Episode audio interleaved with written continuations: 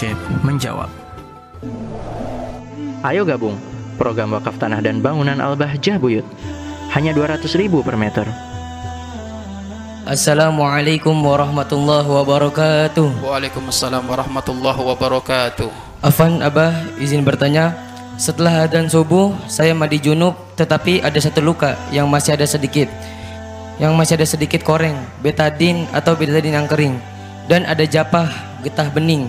Namun seperti nanah yang masih menempel kuat pada sela-sela jahitan. Bisa terlepas namun ujungnya menempel dan bila saya ambil paksa malah nambah kesakitan. Lukanya sudah boleh dibasuh dengan air karena memang sudah hampir mengering dan sembuh. Dan saya usahakan untuk membasuh dan sedikit perlahan menggosoknya. Apakah mandi junub dan subuh saya sah atau tidak sah?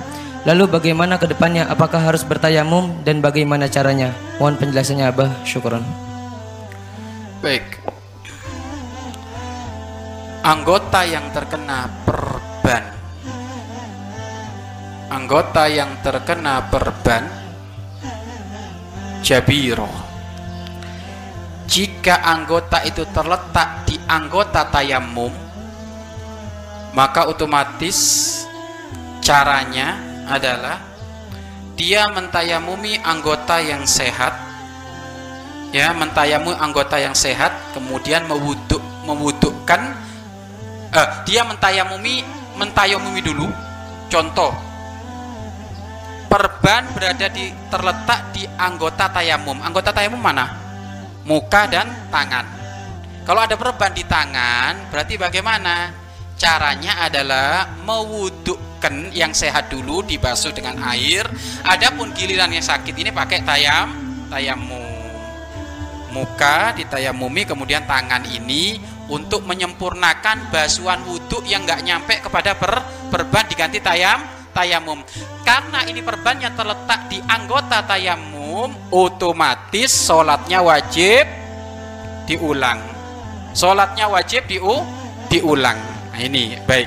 Kemudian jika perban itu terletak di anggota wudhu selain anggota tayamum terletak di anggota wudhu selain anggota tayam tayamum maka ditengok dulu.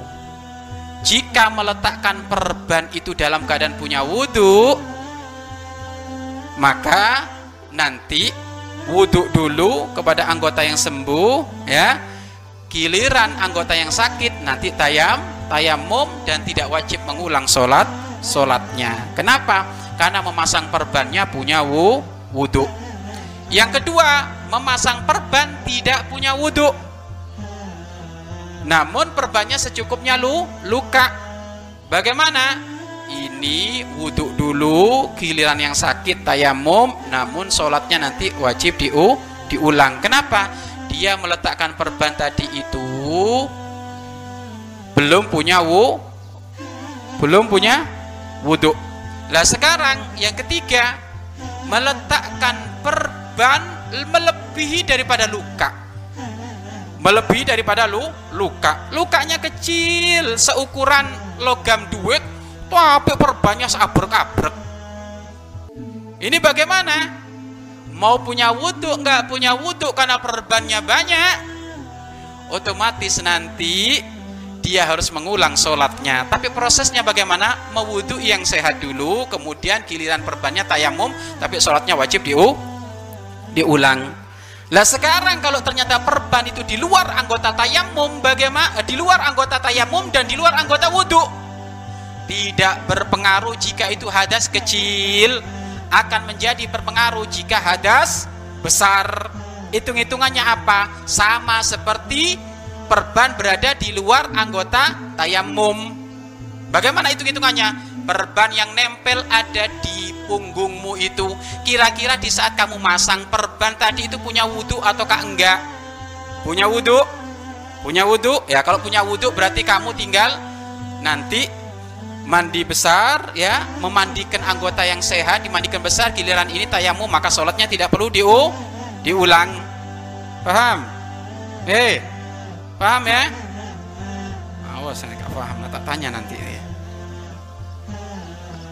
yang kedua jika perban di punggungnya ini kasusnya kasusnya perban di luar anggota tayamum di luar anggota wudhu maka nggak berpengaruh jika urusan hadas kecil tapi berpengaruh urusan hadas besar. Maka cara perinciannya sama seperti hanya anggota perban di luar uh, perban di luar anggota tayamum namun di anggota wudhu perinciannya maka kalau perban tadi itu terletak di punggungnya, punggung itu luar tayamum, anggota tayamum atau anggota wudhu.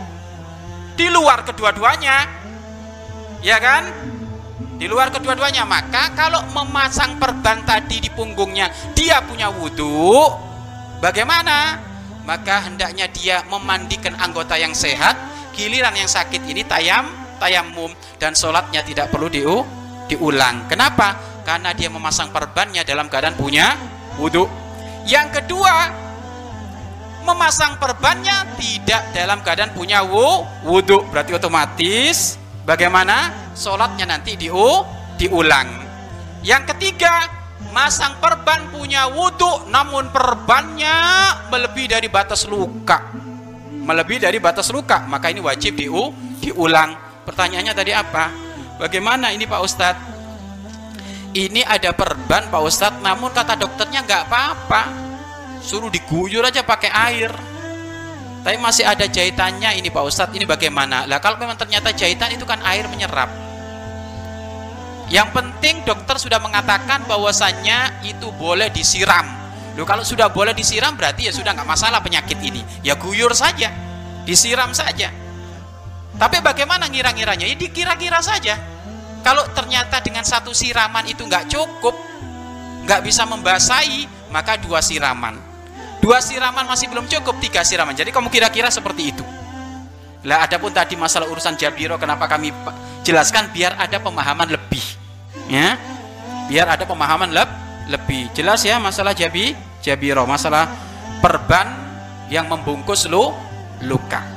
Ya. Wallahu a'lam Mari berinfak untuk operasional lembaga pengembangan dakwah Bahjah Buyut.